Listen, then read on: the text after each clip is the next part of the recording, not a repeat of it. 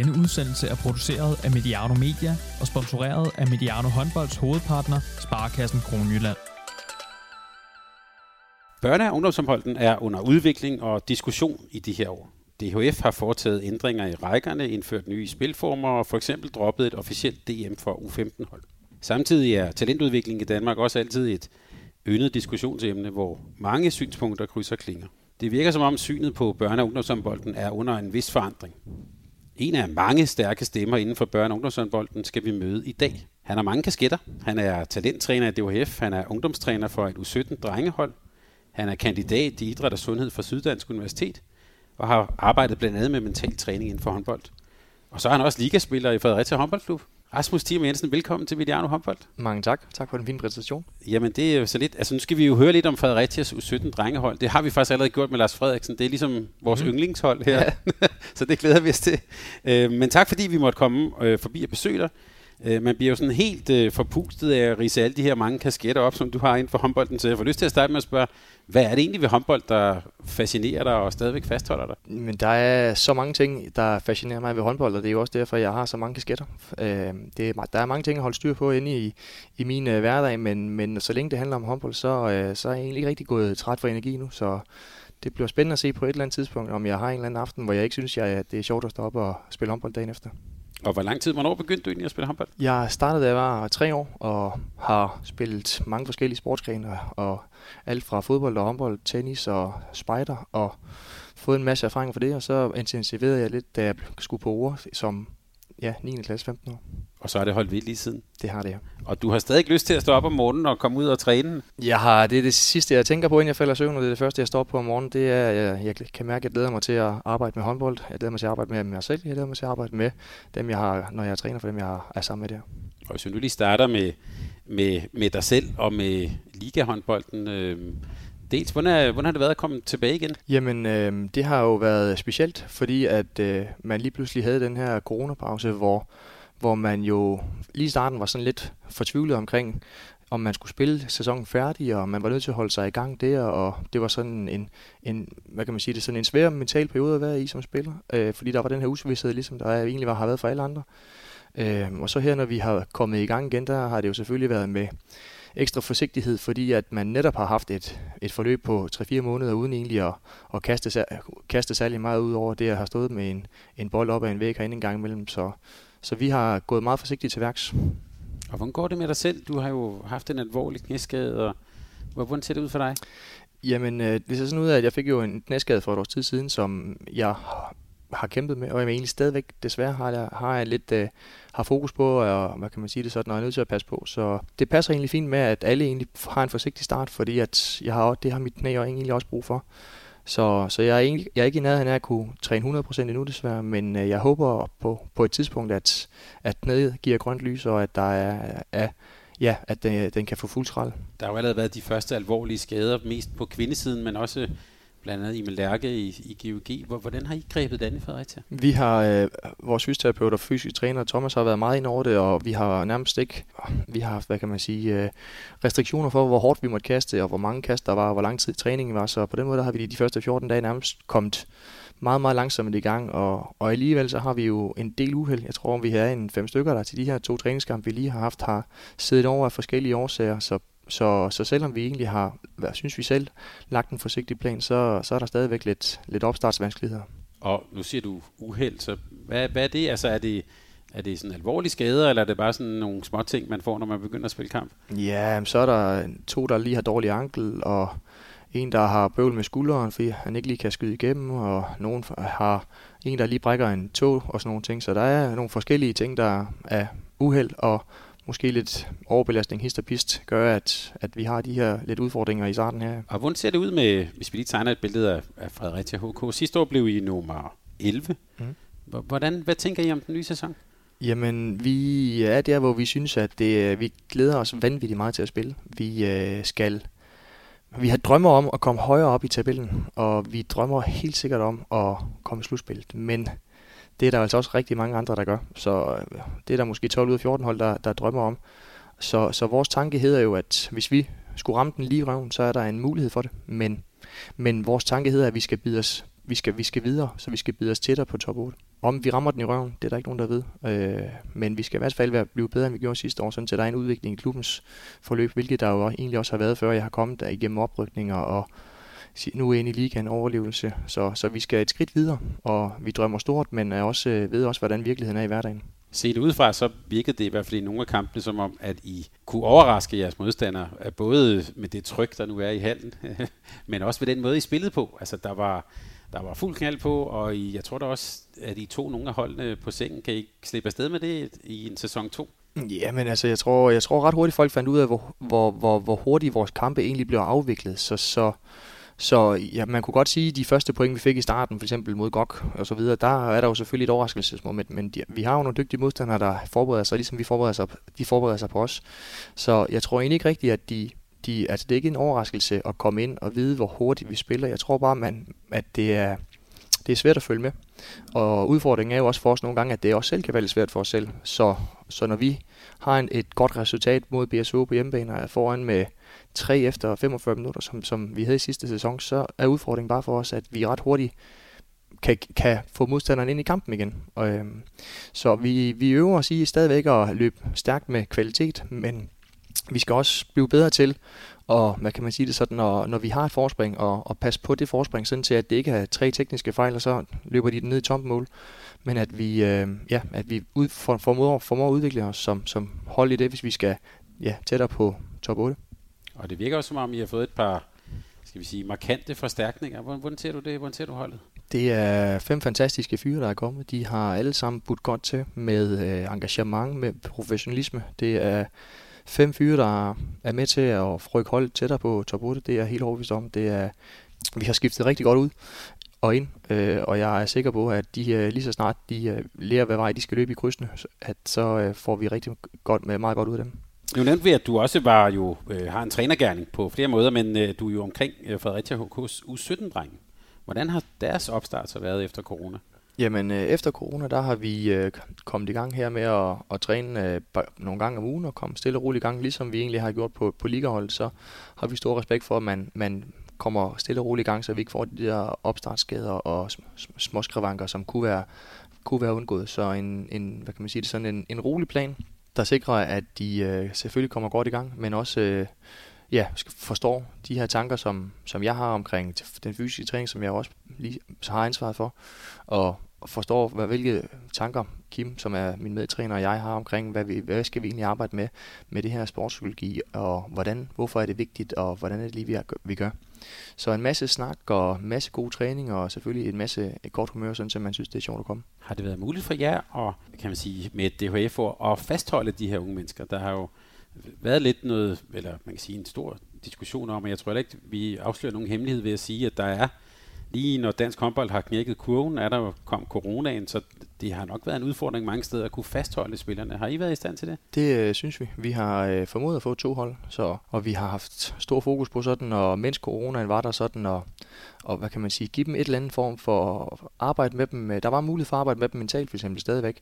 Så selvom vi ikke kunne ses, så kunne vi jo ind i en Facebook-gruppe lave nogle mentale øvelser, øh, sådan til at vi den vej igennem kunne, kunne arbejde lidt og have en følelse af, at de udviklede sig. Der var lidt feedback og lidt anerkendelse nogle steder, så, så vi har arbejdet med det mentale område stadigvæk, øh, som sådan en indgangsvinkel. Og lige så snart vi fik mulighed for at komme ud på græs, så var der også en, en Fredericia Kommune, der lige rødede en øh, offentlig park, og så lagde øh, tre håndboldbaner ned på med kridt, og så var det ellers bare uh, græshåndbold i store mængder med godt humør, og som jeg synes egentlig selvfølgelig ikke er, kan være håndbold en til en, men jeg synes, det var et fremragende alternativ på det der, på det daværende tidspunkt. Så, så vi, har, vi har egentlig formået at, og få, få mange til. Mange, der var nysgerrige på at se, hvad er det egentlig, der er i Fredericia er kommet ud fra, så vi har til næste sæson to hold. Hvordan arbejder man med mentalt med 17-årige drenge i en coronatid på, på Facebook og sådan. Hvad, hvad, hvad, hvad har du givet dem for nogle øvelser? Jamen, vi, øh, vi valgte et emne, sådan som det hedder noget omkring, øh, hvad hedder det, livet som atlet, som at kunne planlægge og prioritere sin hverdag. Så hvor de jo fik noget nogle oplæg for mig. Det kunne være et videooplæg, hvor jeg optog mig selv, fortalte dem lidt, og så, i høj, så fik de også nogle øvelser omkring, hvordan de skulle prioritere og planlægge deres hverdag, sådan til at når corona nu her er væk igen, og, og hverdagen kører, at man, man er mere afklaret omkring, når man mærker det her tidspres, hvad er det egentlig, der er vigtigt for mig. Så, så det er jo sådan nogle simple øvelser, som man kan lave alligevel, og de kunne ringe sammen stadigvæk og, og give hinanden noget feedback. De kunne, vi kunne have en uh, gruppe, hvad hedder det, øh, Google, hvad hedder det nu, Google Meeting, med, hvor man kunne i fællesskab også lige fortælle lidt, sådan til man havde en følelse af, at man stadigvæk havde, havde et fællesskab. Så, så det var nogle af de tanker vi og ting, vi arbejdede med. Hvad, hvad er det for en gruppe, du siger det der med, med tiden? Så jeg går ud fra, at det er nogen, der går på en ungdomsuddannelse eller lige hvis du bare lige sådan tegner sådan et billede af, hvem, hvem er det, du er træner for der? Jamen, jeg er jo træner for sådan en, en, en hvad kan man sige, en blandet gruppe øh, unge mennesker. Nogle mennesker, nogle af, eller nogle af dem drømmer om at se, om de kan komme op på Fredericias første hold og komme på A-landsholdet. Og nogle af dem, de øh, synes, det er sjovt at spille håndbold, fordi det er, det er der vennerne er, og det er fedt at være i omklædningsrummet, og der er, man kan få lov til at bruge kroppen. Så det er meget forskelligt, hvordan deres motivation er for at spille håndbold. Så så, og det er egentlig også det, der skal, der skal være plads ved til os. Øh, vi vil rigtig gerne både kunne, kunne omfavne dem, der vil se, hvor langt, hvor dygtige de kan blive, og vi vil også rigtig gerne uh, give gode oplevelser til dem, der egentlig bare synes, det er hyggeligt at komme, og, og ikke har ambitioner med at se, hvor dygtige de kan blive. Men er tiden en udfordring for dem, altså i en travl hverdag? Ja, det er det. Som dem, der har valgt at prioritere, at de rigtig gerne vil se, hvor, dygtige de kan blive, der er der jo en prioritering af, at der er en vis træningsmængde, der skal til, før at man klarer det. Og øh, samtidig med, så skal det jo foregå af, med, at man er i gang med en eller anden form for uddannelse af, en eller anden art. Og man skal også lige have tid til, til nogle venner, noget familie. Så der er bare ikke tid til det hele. Og øh, jeg har også set og hørt tal omkring, at man jo kan, godt kan sammenligne et ung talents øh, ugedag, de timer, hvis man tæller transport, skole, øh, håndbold, fysisk træning, øh, altså alle de timer lagt sammen, det, det svarer egentlig faktisk til, at man er en, en direktør i, i en, en virksomhed mellem, med, på 60-70 timer om ugen, så, så det er ekstremt stort pres, de er i fra start af. Og derfor så er det også vigtigt, at de får en, en værktøjskasse, hvor de, når de mærker den her pres, om det så er, at man har svært ved at falde i søvn, eller andre årsager, hvor man kan mærke det, at man så ved, jamen, det der er det vigtige for mig, det er de her tre ting, og lige nu der der må jeg så bare acceptere, hvis jeg gerne stadigvæk vil se, hvor dygtig jeg kan blive til at spille håndbold, så har jeg ikke så meget tid til lige at tage til tage 24's fødselsdag lige den her gang, men jeg må sende en øh, varm hilsen, og så må jeg håbe, jeg kan komme med næste gang, sådan til at man er klar over, at der er nogle fravalg, man er nødt til at gøre sig, fordi der er nogle tilvalg nogle andre steder, der øh, på givende tidspunkt. Så, så det, er, det er vigtigt at være afklaret omkring det, fordi at, at, vi, at det kommer til at være der på et eller andet tidspunkt. Og hvad siger du, hvis jeg siger, øh, nu er det fredag, og der er faktisk årets første gymnasiefest, den vil jeg rigtig gerne med til, Rasmus. Hvad siger du så? Jamen, jeg synes, der skal være plads til det, men øh, man skal jo øh, ved vores... Altså, det er også forskel på, om man...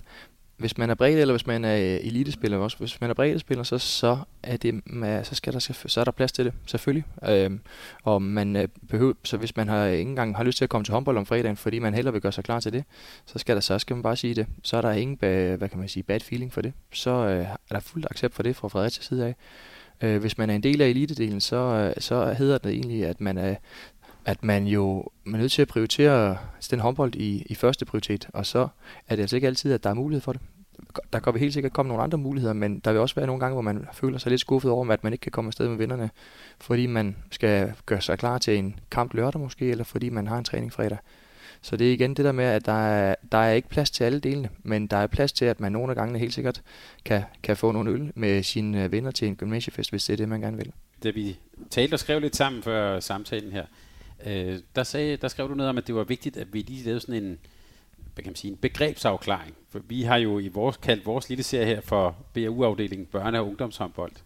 Men hvad er egentlig forskellen på børnehåndbold. Hvad er børnehåndbold, og hvad er ungdomshåndbold for dig? Hvis I, grunden til, at jeg synes, det, altså hvor lige hvor skillet er i forhold til overgangen, om det lige er overgang 13 og på drenge og pige, og for side, det er egentlig ikke det, der sådan er det vigtige for mig. Det vigtige er bare at forstå, at, at der er en lille forskel, som er vigtig. At man som, man skal selvfølgelig arbejde begge steder, på børnestedet og på ungdomsstedet i at skabe så mange gode oplevelser som muligt. Fordi det er de her oplevelser, der gør, at man, når man kommer længere op, øh, og møder det her tidspres, at man så simpelthen ikke kan undvære håndbold, og derfor så siger, at selvfølgelig skal jeg tage spille håndbold og fortsætte, selvom jeg lige nu mærker en eller anden form for tidspres.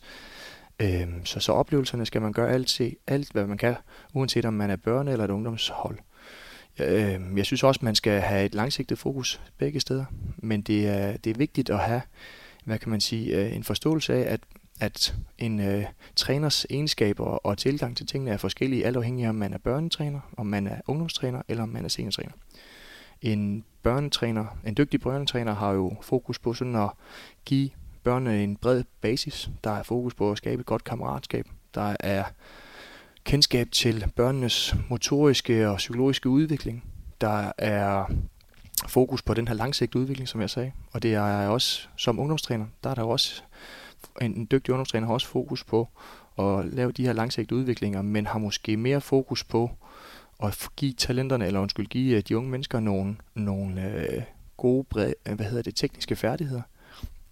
Der er fokus på at have en forståelse af, at, at de her unge mennesker er i gang med sådan en selvstændighedsproces, som de har måske har støttet for. Og er man en seniortræner, en dygtig seniortræner, som jeg jo er på, i for eksempel med Fredericia, der har vi jo behov for en træner, der er, der er dygtig på det taktiske, der kan se, hvor er det lige modstanderens forsvar er sårbar, når det er, vi angriber. Der er brug for en rigtig dygtig leder til at dirigere. Der er i seniorhåndbold et utroligt stort fokus på at vinde kampen om søndagen. Så det psykologiske, hvad kan man sige, fokus fra, for det hedder egentlig jo nærmest, i store træk handler det om at kunne præstere under pres. Så alt afhængig af, hvilken gruppe man er i, der er der forskellige færdigheder, som er vigtige som træner. Så fordi man er en dygtig ungdomstræner, så behøver man ikke nødvendigvis at være en dygtig seniortræner. Er det vigtigt at kunne forstå? Man kan selvfølgelig godt være, men det, der er bare ikke lige sådan en, en, en en-til-en overførelse på det. Jeg har jo igennem min, min, min uddannelse fået en masse viden omkring, hvordan man skaber motivation ved børn og unge mennesker. Og øh, hvad kan man sige det sådan, der er, hvis man har drømmer om at blive, hvis man som børn, barn drømmer om at komme op og spille på hold med Magnus Landin, så øh, kræver det en enorm stor træningsmængde. Og for at man kan klare den her store træningsmængde, så kræver det en, en uopslidelig motivation. Og den her motivation her, den er, den er vigtig at allerede at træne, når de er børn og ungdomshåndbold, fordi at der er forskellige former for, hvad kan man sige det, sådan energikilder til den her motivation. Der er jo noget ydre motivation, som kommer for eksempel af, at hvis man vinder en kamp om søndagen, så, så giver det jo et boost, det kender vi alle sammen. Det er fandme ned med fedt at komme til træning dagen efter, uanset hvor dårligt man nærmest har spillet, ikke? så synes man, det, det er sgu lidt sjovere at komme til træning.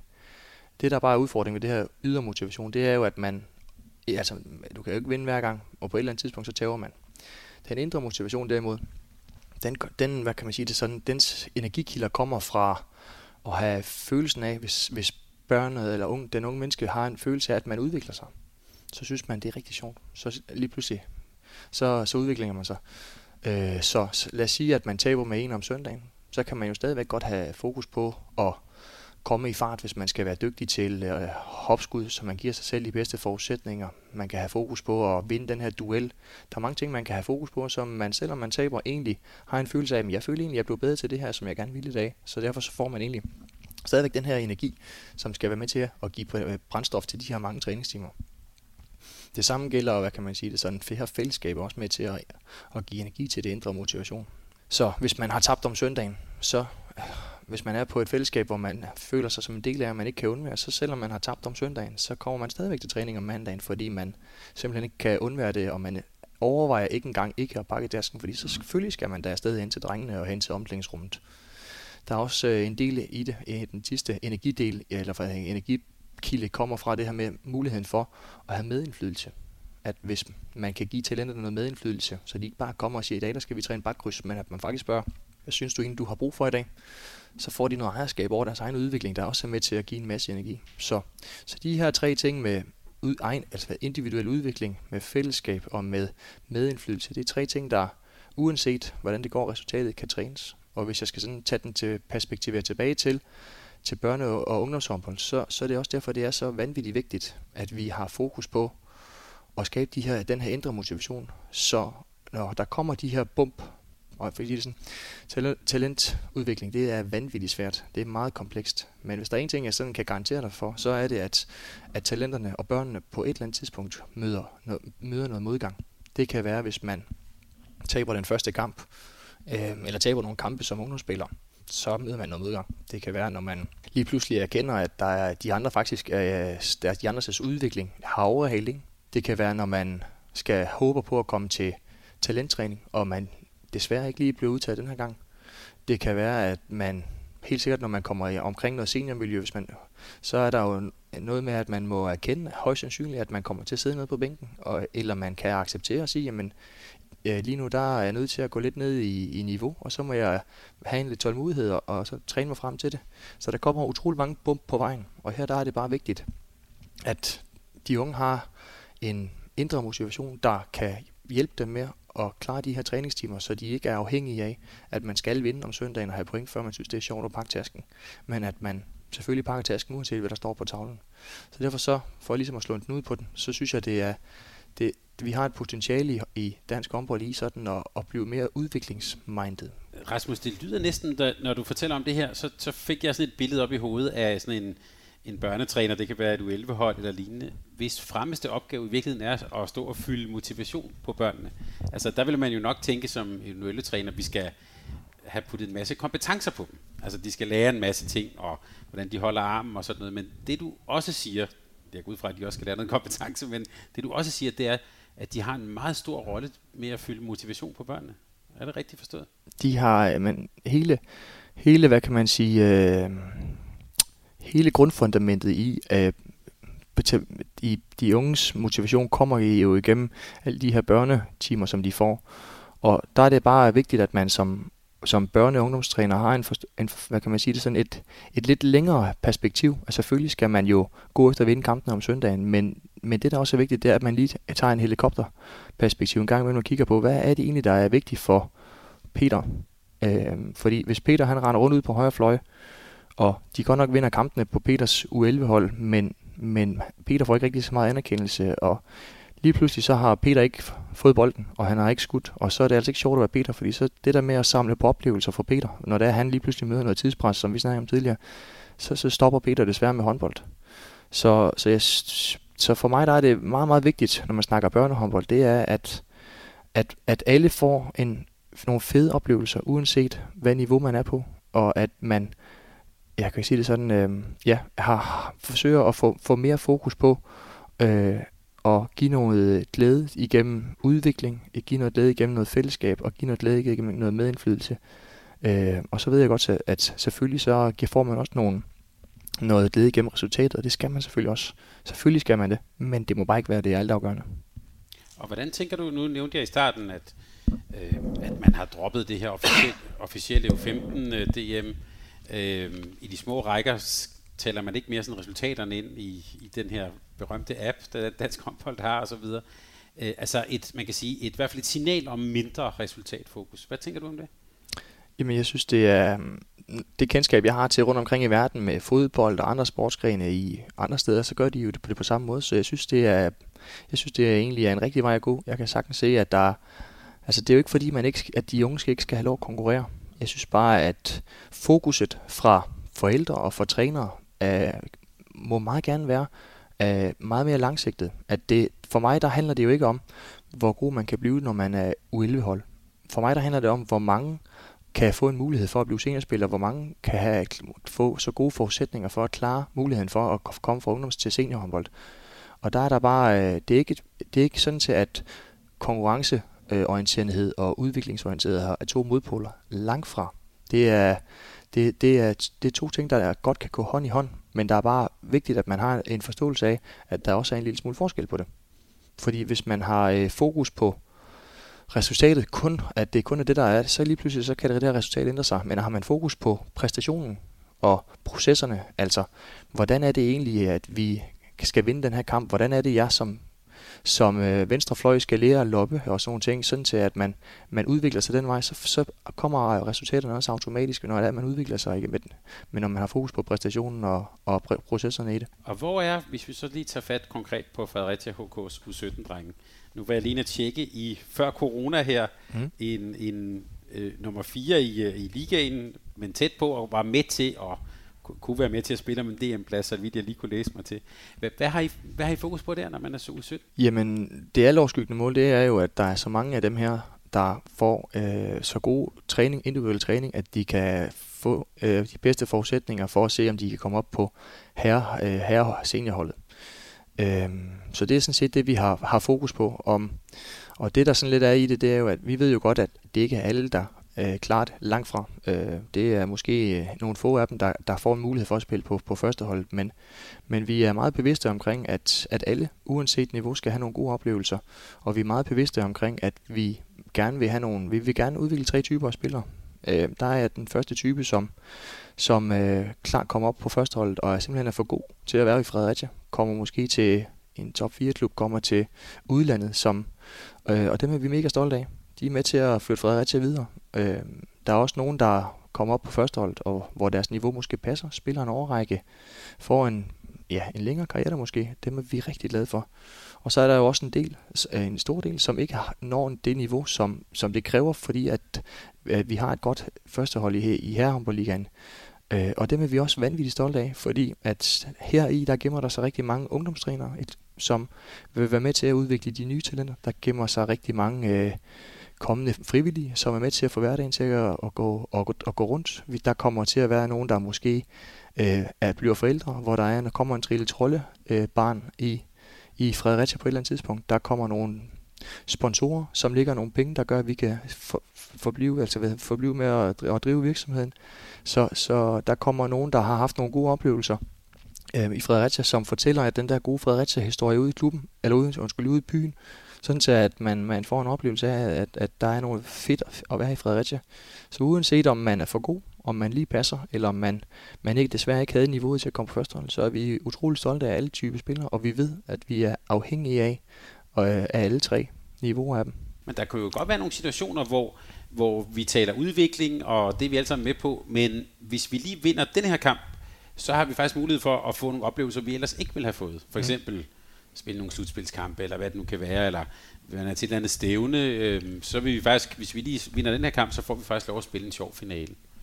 Det er vel et dilemma, man står i nogle gange? Det er det, og, og det, er, det, altså det er svært, fordi at man også, man, hvad hedder det, står jo med spillere, som, hvor, hvad kan man sige det sådan, hvor man har den her, som træner har jo magten over spilletidsminutterne, og hvordan man spiller og sådan nogle ting, ikke? Så, og man vil jo rigtig gerne vinde, og selvfølgelig så skal hverdagen handle om, for talenterne om at vinde den her kamp om søndagen. Og der er pres for forældrene om, jamen, altså, vi, vi, vi er jo gode, ikke? Vi skal jo vinde de der kampe der. Men det, det er igen vigtigt for mig i hvert fald, det er jo at sige, at det, som jeg sagde tidligere, det, det vigtigste er egentlig, at vi selvfølgelig udvikler nogle mennesker, der har styr på det. Men når vi også skal udvikle nogle talenter, der, der har fokus på, at de øh, skal, have, skal have mulighed for at komme op på Fredericias første hold. Så, så der er en, en første prioritet, der hedder udvikling efter at komme udvikling efter at komme op på det her første hold. Og det kræver altså, at man prøver nogle nye ting, og når man prøver nogle nye ting, så lykkes det altså langt fra første gang. Så, øh, så det er sådan en, det er en, en hårfin balance, som jeg sagtens skal følge dig i. Øh, og, og er en udfordring, og det er måske nemmere sagt end gjort, fordi at helt, der kommer helt sikkert til at være situationer, hvor man som træner skal være meget opmærksom, altså som, som mig som træner skal være meget opmærksom på ikke at og hvad kan man sige det sådan, øh, at, og, og, og sikre sig, at man har det her helikopterperspektiv over de, den langsigtede udvikling. Hvad bliver du målt på som U17-træner i Fredericia? Hvornår er du en succes? Det jeg har, har fået at vide, det er jo, at øh, det første prioriteten, det er at få spillere op på, på førsteholdet. Så, så det er sådan set det, der er, jeg har gået ind til med min, med min tilgang til, til træneren. Og, og vi, vi, vi, vi drømmer jo lidt om, at, at desværre lige nu, så, så er der jo ikke mange i vores herrehåndboldligatrup, det hold jeg spiller på, der, der kommer fra Fredericia og har været igennem den der håndbolduddannelse, som Fredericia håndboldklub kan give. Så, så vi håber jo på, at der kommer et kul nu her. Vi har lige fået et nyt U19-hold, hvor der er en, en masse dygtige spillere, og jeg håber da på, at, at de ret hurtigt kommer op og, og, og, og spørger, om jeg ikke snart har skal stille min håndboldsko på, på hylden, fordi at de har, har evnen til at, og, hvad kan man sige, overtage det. Øh, det tror jeg på kommer til at ske inden for, for ja, en årrække. Nu nævnte du lige forældrene. Mm. Hvordan, hvordan takler I det på øh, Fredericias U17 eller i det hele taget? Hvilken rolle spiller forældrene nu? Jamen, øh, forældrene de spiller en, en vanvittig stor rolle. Det er sådan en, en trækløver mellem forældrene og trænerne og spillerne, der skal fungere på rigtig god, øh, på bedst mulig måde for at give de optim- bedste optimale, havde, undskyld, de optimale forudsætninger for, at talentet trives. Så det er, et, det er et samarbejde, hvor man jo skal være god som træner til at informere om, hvorfor er det egentlig, man gør, og man skal have en tydelighed i, hvordan er det egentlig, man, man driver, ikke driver det, men hvordan er det, man tilgår de her unge mennesker, og hvad er det egentlig, hvad kan man sige det sådan, øh, ja, hvordan er det egentlig, man, hvad, hvad er det egentlig, man vil, sådan til at når de kommer til klubben eller kommer til holdet, sådan nogle ting, at der er, ikke er, er udfordringer fra start af med sådan nogle ting. Men jeg tænker nogle gange på, da jeg spillede U16 håndbold, øh, det er jo mange år siden, øh, men, men der når vi skulle ud og spille kamp, så var der vores træner kørte, og så var der måske en eller to andre forældre, der kørte med. Nu ser man jo ofte, at der sidder sådan en helt forældrekoloni. Altså det er blevet lidt sådan et, et familieprojekt eller lignende. De har en stor rolle, ikke? Øh, og det er også dem, man skal ud og tale med, når man så kører hjem i bilen. Nå, du fik ikke lige skruet på den og så videre. Hvordan, øh, altså jeg tænker, det må være svært for en ung mand på 17 at skulle agere i det felt. De har måske fået noget videre dig, og så siger forældrene noget, og de har også en indre mening om et eller andet. Hvordan pokker takler man det som 17-årig? Øhm, jamen det er også derfor, det er vigtigt, at der ikke er forskellige, der er forskellige, hvad kan man sige det, sådan tunger i det. Og, og det er derfor, der er vigtigt, at man har en afklarethed i det. I Fredericia, der skal vi her i, i næste uge, der har vi et, et forældremøde, hvor vi kommer ind og inviterer forældrene ind og, og snakker med dem omkring de her ting. Ikke? Hvad kan de forvente os? Hvad kan vi forvente af dem? Og vi vil i så, hvad kan man sige det sådan, vi vil forsøge at fortælle, ikke, hvad er det egentlig, hvilken udviklingsplan vi har med de her med holdet på forskellige tidspunkter. Jeg kan tage et eksempel med den mentale plan, at vi skal til at arbejde med målsætninger, individuelle målsætninger. Så og det, der synes, der er det spændende i det her, det er jo, at hvis, hvis jeg kan få forældrene til at bide med i det, så, så de kan hjælpe mig med at spørge ind til det, sådan til at når talentet er ved mig øh, i håndbold, så, så mærker de, at Rasmus og Kim, de øh, spørger altså ind til, hvordan går det med den her, det her mål, som jeg i øvrigt har sat mig. Og når jeg kommer hjem til aftensmaden, så bliver der spurgt, men hvad, hvordan går det med det der bakkryds der, bliver du bedre til det, eller skal du sådan til, at, at, at forældrene også har noget at snakke med dem om på vej hjem i bilen, at det ikke kun er, åh for satan, nu tabte vi også lige den her kamp her, eller du, de der fire mål, du lavede det, det var rigtig flot, men at man lige pludselig har det der med, at man, at man ved sgu godt, at ens barn arbejder med at komme igen efter, at man har brændt det første skud, så man, kan, man, kan, man har bedre muligheder for at, at støtte barnet. Så, så jeg ser, jeg, altså, jeg, altså, jeg ser forældrene som en vanvittig vigtig samarbejdspartner, som hvis man skal opnå virkelig gode synergieffekter, så, så skal man udnytte hinanden og, og hvad kan man sige, give hinanden en god kommunikation og tydelig kommunikation i det. Og når Peters for Peter fra før, mm. når hans far ringer mm. og siger, hvorfor får Peter ikke mere spilletid? Hvad siger du så? Jamen, så synes jeg jo, at Peter, hvis han spiller for Fredericia, så får han i hvert fald spilletid, fordi at øh, at sidde på bænken der, det er ikke der, man udvikler sig. Så, ja, så hvis man er i Fredericia, så, så får man spilletid, fordi det, øh, det er en del af det at udvikle sig, og alle har behov for, uanset om det er bredt eller lige at udvikle sig.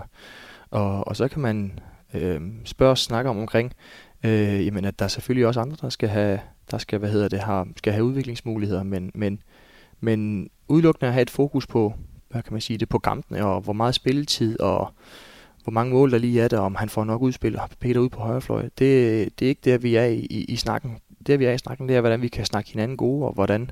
Så, men hvis der er en eller anden ting, man er nødt til at have afklaret en frustration, så skal man selvfølgelig ringe til Kim eller jeg, og, og, og høre, hvorfor er det lige, der bliver gjort, som der er. Så vil vi jo meget gerne for, forsøge at fortælle efter bedst mulig måde.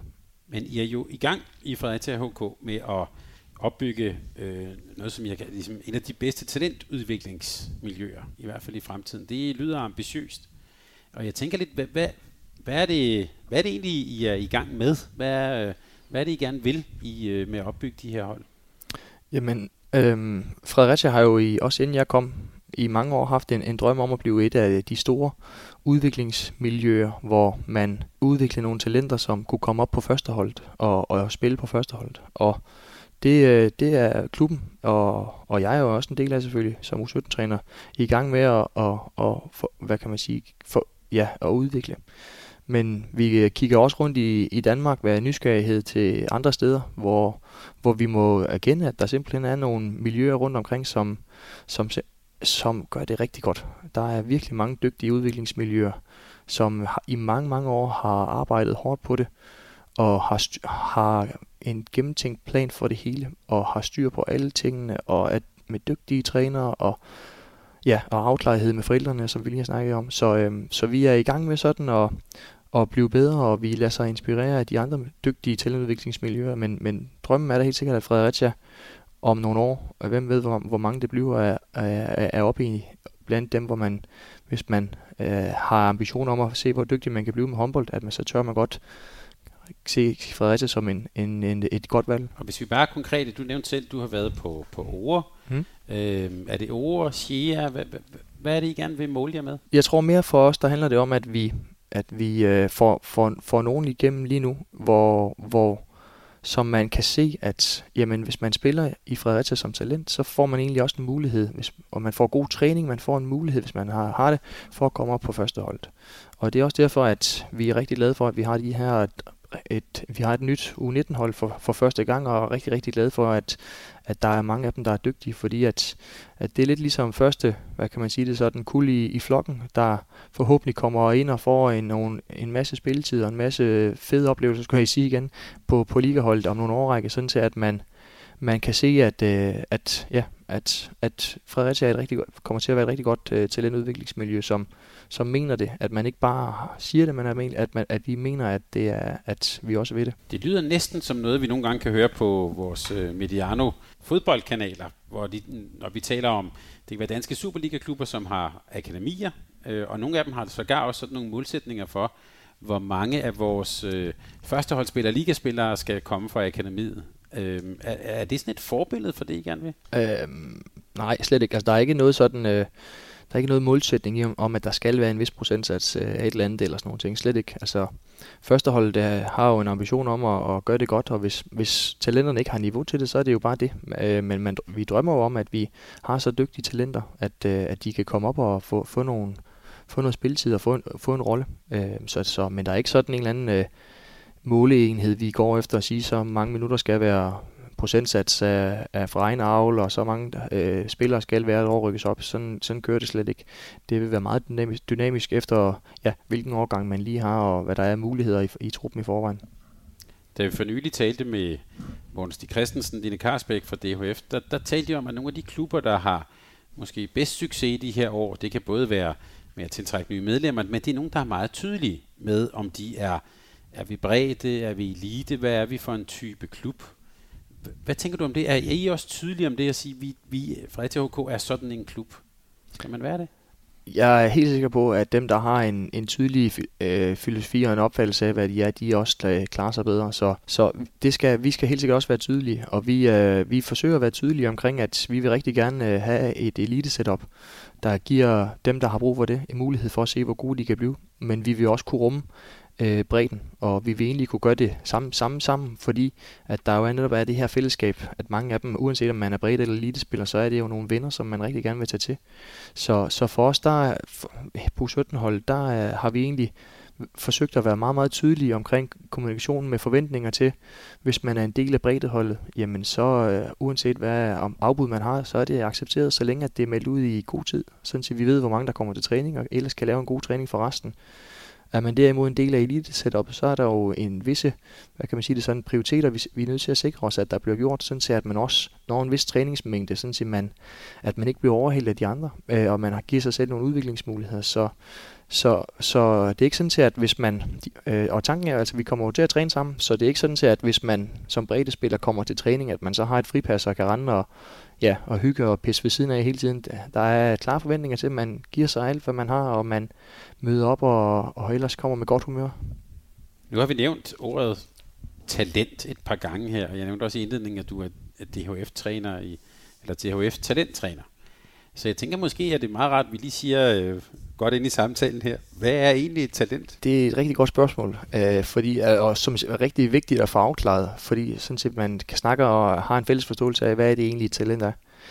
Min, øh, hvad kan man sige det sådan, øh, talentbegrebstanke har egentlig udviklet sig lidt over årene.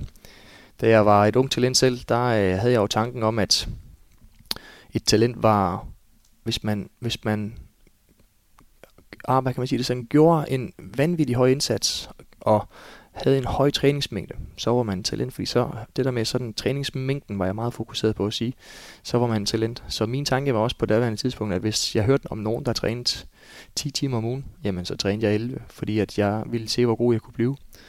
Øhm, så da jeg blev 25-26 år, der bestartede jeg på den her uddannelse, hvor, hvor jeg blev mødt af folk fra andre sportsgrene. Jeg blev mødt af nogle fantastiske undervisere, der udfordrer mig lidt på min tilgang til, hvad et talent egentlig var. Og, øhm, og fra jeg egentlig troede, jeg vidste alt omkring talentudvikling nærmest, så kom, kom jeg egentlig ind på uddannelsen og havde en følelse af, at jeg nærmest ikke vidste noget som helst om det. Så, øh, så, jeg, så mit begreb har egentlig udviklet sig til sådan at hedde, at, at et, et talent det er sådan et sæt af karaktertræk, kompetencer og evner, der er sådan på baggrund af noget medfødt potentiale og mange års træning i et samspil med et miljø, øh, hvad kan man sige det, er der. Så, så hvis jeg sådan skal brække den lidt op, så synes jeg jo, at der er jo det her med, at der er noget medfødt ved alle. og medfødt i håndbold, som helt sikkert man ikke kan underkende. Det, der er også øh, det med, at der er, nogle træningstimer. Så selvom man er 2 meter og 11, hedder Nikolaj Markusen, og helt sikkert har et, et fysiologisk talent, så kommer man ikke nogen vegne, hvis man ikke yder en indsats og træner nogle træningstimer. Men det, der også er vigtigt at forstå, det er jo, at det, der handler også om at have kvalitet i træning. Man kan ikke bare sige, at jeg har trænet ufattelig mange mængder, og jeg har jo 2 meter 11, hvis ikke der er, at omgivelserne er med til, hvis ikke miljøet er med til, og kan stimulere øh, udviklingen på det niveau, som der er behov for. Så en, en, en base, eller hvad kan man sige, sådan den her træenigheden i, at der er noget medfødt, der er nogle træningstimer, og der er et miljø, der i samspil giver et, et resultat. Det synes jeg sådan er en, en tanke, som jeg har taget med mig videre, siden jeg kom ind på den der uddannelse. Men du har jo også selv været igennem, jeg vil næsten sige, hele DHF-møllen i, i din tid. Hvordan oplevede du selv at være talent, kan man sige? Hvordan blev du behandlet? Hvad var det, hvad var det for en maskine, du kom igennem der? Jamen, øh, jeg kom igennem, øh, jeg er årgang 89, og har samme årgang som ja, den landsholdsårgang, der hedder Niklas Landin og Jannik Gren og Kasper Mortensen, Nikolaj Markusen. Og øh, på daværende tidspunkt, der var der et øh, utroligt stort fokus sådan på træningsmængde, at så hvis vi træner mere end de andre, så, så bliver vi også bedre end de andre. Så, så vi trænede utrolig mange timer, og der var også en, en tilgang dengang, der hed, at man, man, altså den årgang, jeg har, har, har vi meget få, hvad kan man sige det sådan, der egentlig fik debut, og når vi spillede vores slutrunder, så spillede vi meget, meget smalt, øh, og fik jo nogle fantastiske resultater. Jeg tror, vi fik jo to gule og to sølv, og så vidt jeg har forstået, så er der ikke rigtig nogen, der har årgang, der har formået at, og, hvad kan man sige, resultatmæssigt at vinde mere. Så vi er jo det mest vindende ungdomslandshold, der har været. Men, men det er jo også det, det, man kan sige det sådan, med, med færreste, jeg tror, ja, nu hører jeg jo, altså når vi har, når vi har landsholdsudtalelser nu her, ikke, så er der jo ja, par 30 på en, på en, i løbet af en sæson, ikke, der har en, nogle ungdomslandsholdskampe. Det havde vi jo slet ikke dengang. Jeg tror, vi havde jo nærmest 25 på, på fire år, ikke? Så, så, så det var en anden, hvad kan man sige det, sådan tid dengang, som har ændret sig nu i forhold til, at man jo kigger meget, meget bredere nu, og, og er man i tvivl om nogen, ikke, så giver man den nogle muligheder her, hvor man jo i højere grad tænkte, at man, hvad kan man sige det sådan, skulle, skulle levere nogle, nogle, nogle resultater til de der ungdomsslutrunder dengang. I var rigtig gode, I vandt mange medaljer til Danmark egentlig. Mm. Men det at producere A-landsholdsspillere, det mislykkedes måske lidt, eller ja, det er lidt hårdt sagt, for der er mange dygtige håndboldspillere. men, men, øh, men det tænker du, der blev det måske for snævert et sigte. Det var i hvert fald en lidt anden tilgang, der var dengang, end der er i dag. Og, øhm, og om, hvem ved, om der er nogen, som ikke fik muligheden dengang. Og fordi det der med, at lige pludselig, når det er, at man... Nu var jeg jo en af dem, der, der fik øh, mange, øh, jeg tror, jeg fik 70 land, uh, ungdomslandskampe, og fik rigtig mange minutter, når det var, jeg var skadesfri. Så, så jeg fik jo en masse hvad kan, udviklingsmuligheder, som mange andre ikke fik. Og og hvem ved om en anden en, som måske havde udviklet sig lidt sent, hvis han havde fået en mulighed for at blive holdt i gang og kunne se, at man faktisk havde en, en idé om, at han kunne udvikle sig til at blive a at han måske også havde en mulighed. Så, så øh, det er der, den, øh, ja, at den kommer i forhold til det, at man, man rigtig gerne vil, fordi at vi jo, som du vi snakker om det der med, at det er meget komplekst at være talent, og nogen udvikler sig lidt i, i bølger. Så er der nogen, der kommer rigtig sent, når de lige knækker koden med fysisk træning. Så er der nogen, der kommer øh, tidligt og går lidt i stå. Sådan, ikke? Så, så, så fordi det er så dynamisk i, der, i, i børnenes og talenternes udvikling, så, øh, så er det vigtigt, at man, man ikke udelukker nogen, men at man, øh, hvis man er i tvivl, giver dem nogle muligheder for at vise sig, vise sig, vise sig frem. Og nu er du så selv med til at kigge på talenter, udvikle talenter, du er med som, som, som talenttræner. Hvad, hvad er din opgave og din rolle der? Jamen, øh, min opgave det er, at jeg jo er talenttræner, ligesom de andre.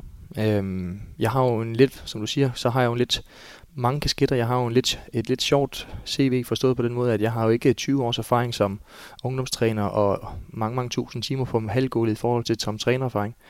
Øh, jeg har endda nogle andre, erfar- nogle, hvad hedder, nogle andre kompetencer at byde med. Jeg har jo, som vi har snakket om, selv været det hele igennem. Det vil sige, at jeg har oplevet at stå inde på gulvet og skulle præstere for nogle talenttrænere og ellers spille træ, og få en fed, nogle fede træninger der. Jeg har øh, selv klaret det her nåløje, der hedder at komme fra ungdoms over til seniorhåndbold.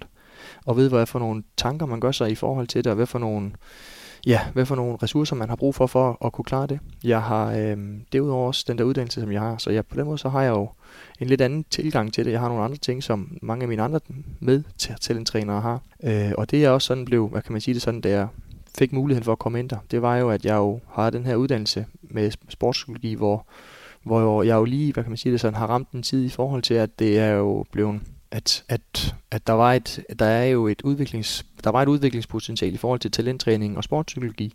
At, at der er jo til de her talenttræningssamlinger er fuldstændig styr på, at der er dygtige trænere, der har styr på det tekniske, det taktiske og det fysiske. Og, øh, men, men det mentale område, sportspsykologien, det mangler lige lidt. Så, så derfor så fik jeg en mulighed for at komme ind og byde ind med de her øh, ja, kompetencer, jeg har inden for, for sportspsykologi øh, til talenttræning, og har sammen med nogle af talenttrænerne øh, gået sammen og fundet frem til en, en strategi og en plan for, hvad, hvordan vi egentlig ja, vil, vil, vil arbejde med talenterne i forhold til det mentale område, sådan til at de lærer, at der er noget, der er at arbejde med inde i deres hoved i forhold til deres følelser og deres tanker, og, og giver dem nogle, hvad kan man sige det, sådan, nogle gode erfaringer øh, tidligt i forløbet, sådan til at, at de også bliver lidt nysgerrige omkring det. Hvem er det, du har fingrene i? Jeg er udelukkende på, på herresiden, øhm, og, jeg, ja, og så har vi øh, en, en, der hedder Lina, som er på pigesiden, så vi er, vi er to del i det, øh, og vi har sådan koblet på den her talenttræner del, sådan dem fra ja, 15 til 18 år sådan cirka, ikke? og så derfra, der, når de kommer op på ulandsholdene, så er der nogle to andre, som arbejder med dem, sådan fra, fra Team Danmark af også der. Og når du så har fat i sådan en øh, 15-årig dreng der, som er dygtig til at kaste og gribe, og sådan, hvad, hvad, hvad, hvad kigger du så efter der? Hvad er det, du gerne vil, vil arbejde med? I forhold til sådan at give dem muligheden for noget, eller hvad tænker du på? Ja, men jeg tænker også på, altså de er jo blevet udvalgt jo på grund af deres øh, kompetencer, mm. eller potentiale, mm. øh, hvad de kan og hvad de kan udvikle sig til. Men du taler med dem om noget lidt andet måske? Jamen, jeg, for kan man sige det sådan, jeg taler om jo, et, et, et emne kunne være det her planlægning og prioritering, men jeg taler også omkring sådan, og det skal siges, der er jo, for hver samling er der jo et, et nyt emne, øh, så, så for den skal skyld, så, så er der jo et, et emne kunne for eksempel være det at, at kunne håndtere nogen, noget modgang og kunne præstere lidt under pres, fordi at mange af dem er jo i en, der er jo en, en selektionsproces, fordi mange af dem jo drømmer om at komme hen på A-landsholdet, og, eller skulle u først, og så senere A-landsholdet, og der er desværre ikke plads til alle. Og det ved de jo også godt, når de kommer ind. Så det der med sådan at kunne, kunne øh, håndtere de her tanker og for forstyrrelser, der kommer undervejs i træningerne og kampene, både til talenttræninger, men også derhjemme. Det er jo ikke sådan til, at man, man er to forskellige, eller man er to forskellige spillere på de forskellige steder. Så, så det der med at kunne sådan øh, være den bedst mulige version af sig selv, den er med til sådan at give dig nogle værktøjer til at, at kunne overkomme nogle af de her ting. Så hvis der er nogen, der for eksempel har en udfordring med, at man brænder det første skud, jamen så brænder man også det næste, fordi man står og har en dialog ind i hovedet med sig selv om, at hold nu kæft, hvor er du ringer, at du overhovedet er kommet hertil. Det er da et mirakel, ikke? Og når man ikke hæver på sig selv, så er man ikke den bedste version af sig selv. Så chancerne for, at man brænder det næste skud, er også det højere. Så det der med sådan at kunne registrere, at man har de her tanker, og vide det, sådan at man også kan arbejde med det, det er, det er noget af det, jeg sådan forsøger. Og det, er, det der er, det er, det er vanskeligt, fordi de jo ikke er ældre. Så på den måde, så, så handler det også i høj grad om bare at, at give dem en viden om det, sådan til at de ved, at det er fuldstændig normalt, og give dem nogle meget, meget simple værktøjer, som de kan arbejde med til talenttræning, men også når de kommer hjem. Sådan til de, hvad kan man sige, det, sådan, det der med, at de får nogle gode erfaringer med, med sportspsykologi, Uh, og at det ikke kun er, når man uh, er på et hold, og det, man har tabt otte kampe i streg, og så kommer ham, sportspsykologen uh, Bent ind, og så siger han lige nu skal vi lige rykke sammen med bussen og kæmpe det hårde, og så lige så snart man har vundet to igen, så er Bent ude igen øh, at de her mod, modgangsperioder er en meget, meget lille del af det. At man vil jo meget, meget hellere arbejde i, i nogle gode perioder med sportspsykologi, fordi man, man øh, har mere overskud til det selvfølgelig. Ja. Lige så snart man er presset, ikke, så lukker man sig sig selv ind ikke, og finder det, man, man kender i forvejen. Sådan et, øh, et jagttagelsestævne, eller et sted, hvor man sidder og kigger på de her, det, de findes jo stadigvæk, sådan jagttagelsestævner. Mm, ja. Jeg har selv set et par stykker af dem, og det var jo forfærdelig håndbold, fordi der er jo en, en masse børn, der jo gerne vil præstere, og som bare, nogle plukker bare afsted og så videre. Hvad er det for, jeg tænker som mental coach, må det være ret sjovt at sidde og kigge på. Hvad er det for noget psykologi, der er på spil sådan et sted? Jamen det er jo, som du siger, at mange, der rigtig gerne vil vise noget, og, og, og det er jo også, når man sidder og kigger på det, vanvittigt svært, og hvad kan man sige det sådan, og, og, og finde de rigtige. Og vi er, når, så det er også derfor, at når man, vi, øh, vi holder trakten så bred, fordi at når, man er, når de er så unge, som de er, 15 år gamle, så er der jo jeg tror, jeg mener at have hørt, at vores debut for en gennemsnitlig, eller på A-landshold for herrene, der ligger på 26, det vil sige, der er altså 11 år det er altså længere end højst sandsynligt, end mange af dem har, har spillet håndbold, ikke? før de skal kunne præstere på et hold. Så det er vanvittigt svært at se, fordi de jo som sagt udvikler sig på forskellige hastigheder på forskellige tidspunkter. Så, så jeg forsøger sådan at, at kigge på præmissen for, hvor, hvorfor de, hvornår er de der, altså hvor lang tid har de spillet der, og hvornår er de født på året, har jo også en, en betydning, ved man. Så, så for, få en for, så stor forståelse af, hvad er det egentlig for et talent, der er der, eller en ung fyr. Jeg kigger også på sådan, hvad kan man sige, præstation der er der, hvor, hvor godt spiller man selvfølgelig. Selvfølgelig har det noget skulle have sagt sammenlignet med nogle af de andre, men det der i højere grad skulle have sagt, det er det der potentiale, ikke? Fordi at der, de skal jo udvikle sig øh, for at kan klare sig, for at få en mulighed for det. Og der er der bare øh, no, altså, nogen, der er sådan, hvad kan man sige det sådan, ja, hvor man skal have fokus på det. Øh, jeg synes, i, i forhold til det psykologiske og i forhold til det her, der har jeg da også den der sådan personen bag det, som jeg synes, man kan kigge mange ting på. Tit så, øh, hvis man, hvis man øh, møder modgang, ikke, så kan man godt slå lidt op i banen. Ikke? Og hvis man har sådan nogle tendenser, så kan det godt være hvad kan man sige det sådan, så kan man have udfordringer med det. Der er det sjovere at kigge på de der, hvor man, når, der er, når man er bagud med fem, der bare ligger med snuden nede i, i, i mulden ikke, og arbejder videre. Øh, der, når man, målmanden måske lige har kikset et mål, og man løber op og spiller angreb, og man så kommer tilbage, ikke, så kan man jo gå tilbage med hænderne ud til siden og sige, hvad fanden, kom nu lige kammerat. Eller man kan komme tilbage, ikke lige ind og klappe målmanden i hænderne. Så fordi man jo ved, at de her folk, eller de her unge fyre med sådan nogle gode sociale kompetencer, de er gode til at udnytte deres netværk, og det der er der jo behov for, når man skal være et talent og have udviklet sig. Så der er mange ting, man kan kigge på øhm, i forhold til sådan, øh, hvad der sker på i løbet af en kamp, og egentlig også til, til træning. Altså, øh, er der nogen, der har fokus på, om hvordan dommeren dømmer til træning, frem for lige at kigge på, hvordan er det egentlig, de de øh, selv præsterer, hvis der, der bliver spillet til to mål til, til, til træning, ikke? Øh, er jo også et, et, noget, jeg skulle kigge på. Så der er mange ting, hvordan man reagerer, og specielt når man er under pres. Så se det reaktionsmønster, der er der.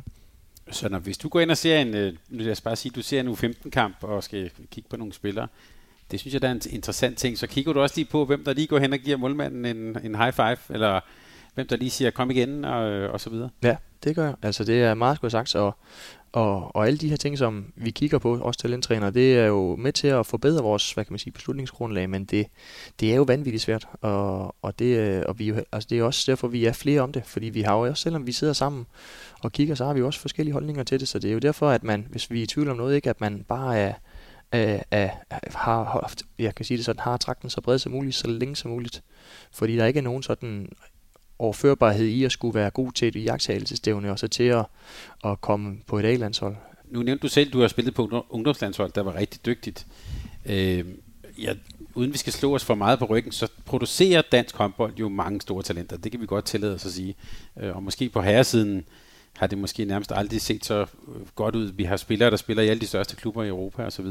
Hvad er det, hvad er det, nu kan jeg så sige I, hvad er det I er gode til i det der talentudviklingssystem? Men det er, det er jo, har jo en, hvad kan man sige, det er en kultur, der er udviklet over rigtig mange år. Øhm, jeg synes, vi, vi øh, udnytter jo, at vi i forhold til mange af vores konkurrenter er en lille nation, så vi øh, er dygtige til at, at, at samarbejde omkring talenterne. Vi er dygtige til sådan at, at tale samme sprog, så, så når vi øh, altså sådan ser dem i, i til, når vi ser dem til talenttræning, så har de jo været igennem nogle fantastiske timer på halvgulvet sammen med nogle dygtige træninger ude i, forening, øh, ude i foreningerne. Så, så jeg synes, det er en, en, en blanding af, at der er en rigtig god kultur, og der er et godt samarbejde mellem talentudviklingen og, og klubberne, og at man, man vil talenterne det bedste. Så, øh, ja, så uanset om man er uenig om nogle ting, ikke, så er det jo fordi, man vil talenterne, talenterne det bedste.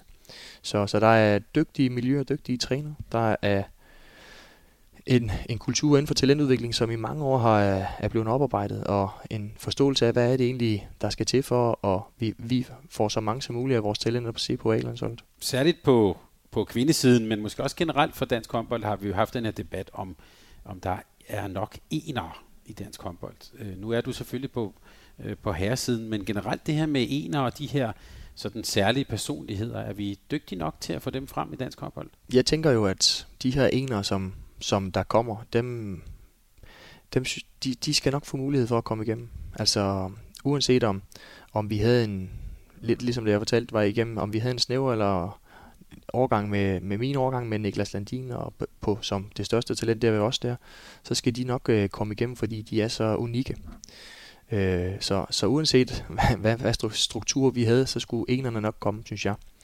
Øh, det der så er, er, er, er, hvad kan man sige det sådan, der er fokus på, det er jo at se, hvem der er de, ikke nødvendigvis nu er enere fra start af, men eventuelt kan blive det.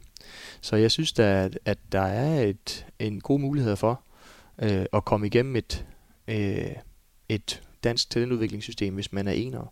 Jeg synes da, når man kigger på vores, vores A-landshold nu her, så er der da på herresiden ufattelig mange enere, der kan afgøre kampe, når man kigger på dem allerede nu. Så, så jeg vil sige det sådan, når jeg kigger på det, så er jeg ikke i tvivl om, at, at og når jeg så også kigger, har et kendskab til, hvad der foregår på talentudviklingsniveau, så synes jeg også, at, øh, at det ser lovende ud for fremtiden. Rasmus, nu har du taget, kan man næsten sige, flere trænerkasketter på øh, her.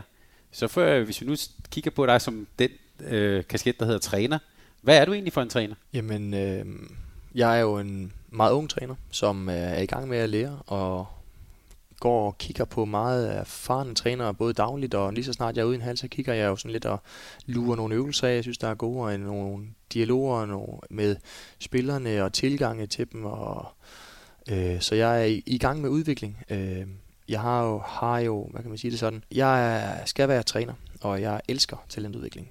Øh, altså jeg skal være træner, når jeg er færdig med spille håndbold, det, det vil sige. Og jeg, jeg har en kæmpe passion for talentudvikling. Så det kan jo sagtens være et, hvad kan man sige det sådan, et, et match, der kunne være godt, at man er øh, i, en, i enten en seniorklub med nogle unge spillere, eller man er i en ungdomsmiljø med talenter. Det er egentlig ikke det, der sådan er det altafgørende for mig her i starten. Øh, men jeg kan godt, jeg kan se mig selv sådan være i begge lejre, både senior og ungdomsmiljø, sådan og, og trives med det. Så, øh, så hvad der lige kommer til sådan at at, at komme først på, på, hvad der giver mening, det, det, det er egentlig ikke det, der lige er, er afgjort endnu. Øh, så længe det har noget med, med håndbold at gøre, så, øh, så bliver jeg glad. Så vi kan godt forestille os, at vi om... Nu, du har fået en lang karriere stadigvæk, du er ikke færdig endnu, men om, så lad os sige 15 år eller sådan noget, så ser vi dig som træner. Det, det hører jeg dig sige. Ja, altså jeg, jeg er jo allerede 20 startet nu her, mm. selvom jeg stadigvæk spiller, så på den måde så er jeg jo i gang, og jeg kan ikke uh, forestille mig, at jeg ikke intensiverer det yderligere hurtigst muligt, fordi jeg jo simpelthen er, er tosset med at, at komme i gang med at og, og, ja, og komme, komme i gang med trænergærningen. Og hvad, hvad skal du have bygget på som træner? Hvad mangler du? Jeg mangler jo helt sikkert noget, hvad kan man sige det, sådan noget halvgåldserfaring. Jeg, nogen, det, der sådan er lidt sjovt at se, det er jo, at nogle af tingene, som er simple for trænere, som har været træner i mange år, det er jo noget, jeg lige sådan skal, skal hvad kan man sige det sådan, øh, kigge og lære lige at bruge lidt ekstra tid på, ikke? Øh, jeg har jo ikke, altså sådan, jeg har jo kun det øvelsesvalg, jeg selv har været igennem, kigge de øvelser, som det er, hvor de måske har haft øh, 20 år mere, end jeg har. Øh, så har jeg nogle andre ting, ikke? Jeg har jo noget viden fra min uddannelse, jeg har øh, en, en, hvad hedder det, ja, en af nogle erfaringer som spiller selv, der gør, at jeg, jeg har nogle andre kompetencer, som, som forhåbentlig kommer til sådan at være en, en magisk trækløver i at være en, have noget, have noget halvkulserfaring, have noget spillererfaring og have en uddannelse, der, der om nogle år gør, at jeg ja, bliver en, en rigtig dygtig træner, uanset om jeg er i et seniormiljø eller et ungdomsmiljø. Rasmus, det vil vi ønske dig alt muligt held og lykke med. Jeg lytter mig også til, at det er en ret god kombi, vi taler om. så, så, øh, men du er jo ikke færdig med at spille endnu, så øh, vi glæder os til at se dig også på det halvgulv i den kommende sæson. Tak fordi du var med her på Mediano Håndbold. Mange tak for jeg Tak fordi du lyttede til en podcast af Mediano Håndbold. Hvis du kunne lide udsendelsen, så husk at abonnere på Mediano Håndbold, der hvor du hører podcasts. Så får du den seneste udsendelse serveret direkte til dig. Du må gerne fortælle dine venner om os, og husk at følge os på Facebook, Twitter og Instagram. Mediano Håndbold kan lade sig gøre, takket være Sparkassen Kronjylland. Vi har gået hånd i hånd siden foråret 2018, og de er med os hele 2020.